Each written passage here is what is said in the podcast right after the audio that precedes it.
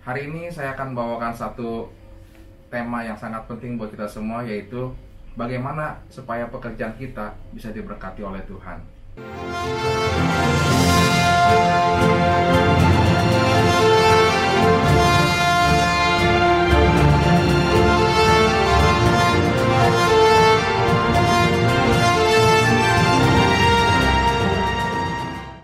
Teman-teman, keberhasilan merupakan impian dari semua orang dan itu juga impian dari Tuhan karena Tuhan menginginkan kita berhasil di dalam hidup kita. Di dalam Yeremia 29:11 bilang begini, Rancangan Tuhan adalah rancangan damai sejahtera dan bukan rancangan kecelakaan. Artinya, Tuhan menginginkan kita mempunyai masa depan yang indah. Tuhan menginginkan kita mempunyai masa depan yang berhasil. Nah, teman-teman, sering kali di dalam hidup kita, di dalam kita mengerjakan pekerjaan kita, banyak kegagalan, banyak kekecewaan.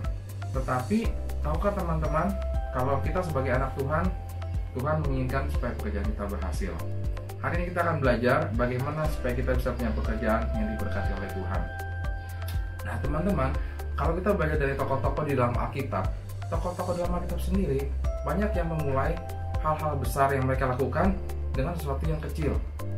Kalau kita ambil contoh seperti Musa, sebelum terkenal sebagai orang yang membebaskan bangsa Israel dan menjadi pemimpin Israel yang luar biasa, Musa adalah seorang yang gagal. Musa adalah seorang yang harus dibuang dari uh, Mesir dan dia harus menjadi uh, pembantu daripada mertuanya. Dan juga kalau kita lihat dari Daud, Daud adalah seorang raja yang luar biasa, seorang raja yang dipakai Tuhan untuk membuat Israel menjadi sangat besar dan dia sangat terkenal di dalam kepemerintahannya. Tapi tahukah teman-teman, Daud adalah awalnya orang tertolak. Daud awalnya hanya melakukan pekerjaan oleh ayahnya Isai hanya mengembalakan dua tiga ekor domba saja. Jadi Daud memulai karirnya dari sesuatu yang sangat kecil sampai dia bisa menjadi raja atas Israel. Bagaimana keberhasilan dari tokoh-tokoh di Alkitab ini bisa kita tiru, bisa kita contoh sehingga kita juga boleh mempunyai pekerjaan yang diberkati oleh Tuhan. Saya akan share hari ini bagaimana caranya supaya kita bisa menjadi pekerjaan yang diberkati Tuhan. Yang pertama, supaya pekerjaan kita yang diberkati Tuhan adalah kita harus taat dan mengandalkan Tuhan di atas segala usaha kita. Firman Tuhan bilang begini dalam Yosua 1 ayat 8. Beginilah firman Tuhan. Janganlah engkau lupa memperkatakan kitab Taurat ini, tetapi renungkanlah itu siang dan malam, supaya engkau bertindak hati-hati sesuai dengan segala yang tertulis dalamnya, sebab dengan demikian perjalananmu akan berhasil dan engkau akan beruntung.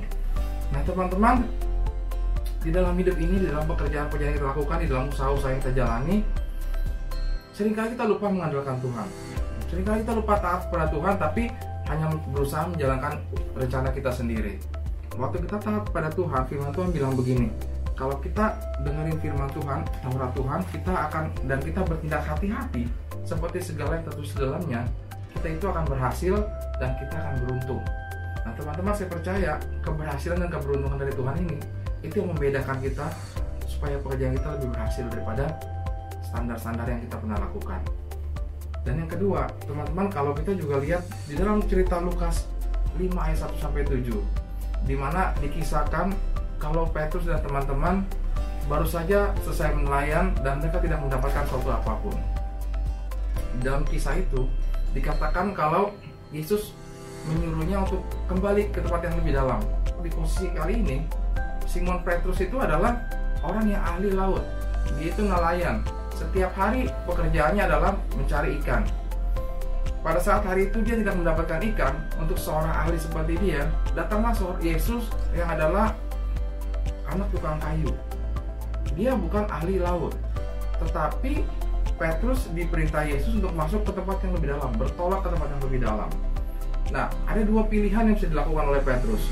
Dia berkata begini, eh, saya kan ahli laut, kenapa saya mendengarkan ahli kayu? Atau kedua begini, dengarkan firman Tuhan walaupun sepertinya tidak masuk akal dalam hidup untuk hidup saya untuk pekerjaan saya tetapi saya melakukan dan Petrus melakukan firman Tuhan dan hasilnya luar biasa dia mendapatkan ikan yang jauh lebih banyak.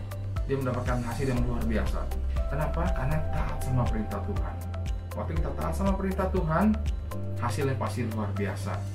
Dalam Yeremia 17 ayat 7 dikatakan diberkatilah orang yang mengandalkan Tuhan dan terkutuklah orang yang mengandalkan manusia. Di sini Petrus juga mengandalkan Tuhan, makanya dia dapatkan hasil yang luar biasa. Kalau kita mau mendapatkan hasil yang luar biasa dalam pekerjaan kita, yang pertama kita harus taat dan mengandalkan Tuhan. Dan yang kedua, supaya kita bisa mendapatkan pekerjaan yang diberkati, kita harus semangat dalam setiap masalah yang kita hadapi. Di dalam 1 Samuel 17 ayat 4 sama 7, di mana hari itu Daud harus menghadapi Goliat. Goliat merupakan masalah yang sangat besar. Goliat merupakan lawan yang terkuat. Orang Israel nggak ada satupun yang bisa melawan Goliat. Daud yang kecil dan kemerah-merahan ini hari itu harus menghadapi Goliat yang besar. Itu seperti kita menghadapi masalah besar di dalam usaha kita di dalam bisnis kita. Tetapi untuk kebanyakan orang kalau melihat masalah yang besar, mereka akan jadi lesu, mereka akan jadi bete, galau, dan lain-lain. Tetapi tidak dengan Daud. Kalau kita lihat di ayat uh, 1 Samuel 17 ayat 48 dikatakan begini, Daud bukan hanya berjalan menuju Goliat, tetapi Daud berlari menuju Goliat. Dia melihat masalah, tapi dia tidak menjadi lesu. Dia nggak pelak, aduh, males-malesan.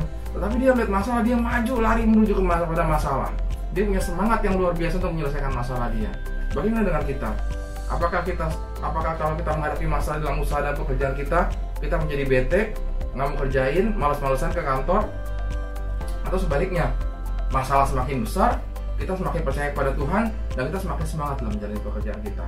Kalau kita bisa menjalani pekerjaan kita dengan semangat kita pasti diberkati. Amin. Yang ketiga supaya kita berhasil di dalam pekerjaan kita kita harus senantiasa cari hikmat dan pengetahuan. Teman-teman hikmat datangnya daripada Tuhan. Di dalam Mazmur 19 ayat 7 dikatakan kalau orang yang bergaul dekat sama Tuhan yang mendengarkan firman Tuhan terus akan mendapatkan hikmat. Teman-teman kita perlu hikmat di dalam hidup kita. Karena saya percaya kerja keras tetap penting, tetapi dengan hikmat kita akan memperoleh hasil yang luar biasa. Teman-teman kalau kita dapat hikmat daripada Tuhan, kita jadi tahu hal yang paling baik, hal yang paling cepat kita lakukan untuk mendapatkan hasil yang terbaik bagaimana. Dari kita harus senantiasa bergaul dengan Tuhan. Yang keempat, yang terakhir, kita harus lebih rajin dan bekerja keras di atas yang lain. Teman-teman, ini angkatan milenial merupakan angkatan-angkatan yang serba instan. Banyak sekali orang yang menganggap kerja keras sudah tidak relevan. Kita harus kerja pandai, kita harus kerja pintar. Saya setuju dengan kita harus kerja cerdas, tetapi kerja keras masih relevan. Tidak ada keberhasilan yang instan. Kalau kita melihat sekarang eranya banyak youtuber-youtuber, kita melihat eranya banyak orang-orang yang sukses uh, dari reality show secara cepat. Tetapi mereka akhirnya mem membuat orang anak muda sekarang merasa saya bisa melakukan hal itu juga. Saya bisa cepat sukses saya bisa cepat cepat terkenal saya bisa cepat hebat tanpa harus kerja keras. Itu salah teman-teman. Karena biar bagaimanapun keberhasilan itu sebenarnya ada, ada ada efek kerja keras yang luar biasa. Kita kalau kita belajar dari Ruth Ruth adalah seorang uh, seorang miskin seorang asing di, di Israel dan dia bekerja hanya untuk memungut bule-bule jelai. Tidak ada pekerjaan luar biasa yang bisa dilakukan, tetapi dia bekerja lebih keras daripada orang lain. Sehingga dia bisa mendapatkan kasih dari Boas. Lihat ini orang rajin, si Ruth ini uh, mengerjakan pekerjaan dengan sukacita. Akhirnya Ruth dapat kasih yang lebih daripada Boas dan dia berhasil bahkan diperisi oleh Boas. Karena dia begitu rajin, dia begitu setia dalam pekerjaannya. Saya percaya di Amsal 10 ayat 4 di, yang berkata begini, tangan orang rajin itu membuat kaya. Jadi selain kita punya hikmat yang luar biasa, kita juga harus rajin dalam pekerjaan kita. Nah teman-teman, kalau kita memisalkan pekerjaan kita itu seperti uh, menebang pohon, kalau bekerja pandai, hikmat itu ibarat kata kita punya kapak dengan mata yang tajam, tetapi orang yang rajin itu orang yang mengayun lebih banyak, sehingga kita bisa berhasil melumpuhkan pohon itu. Jadi teman-teman, saya berdoa biar teman-teman bisa mengenapi firman Tuhan yaitu Tuhan mau kita selantiasa naik bukan turun jadi kepala bukan ekor. Tapi dengan ke, dengan keberhasilan teman-teman di dalam kerja dan usaha teman-teman, saya percaya eh, teman-teman hidup bisa diberkati dengan luar biasa.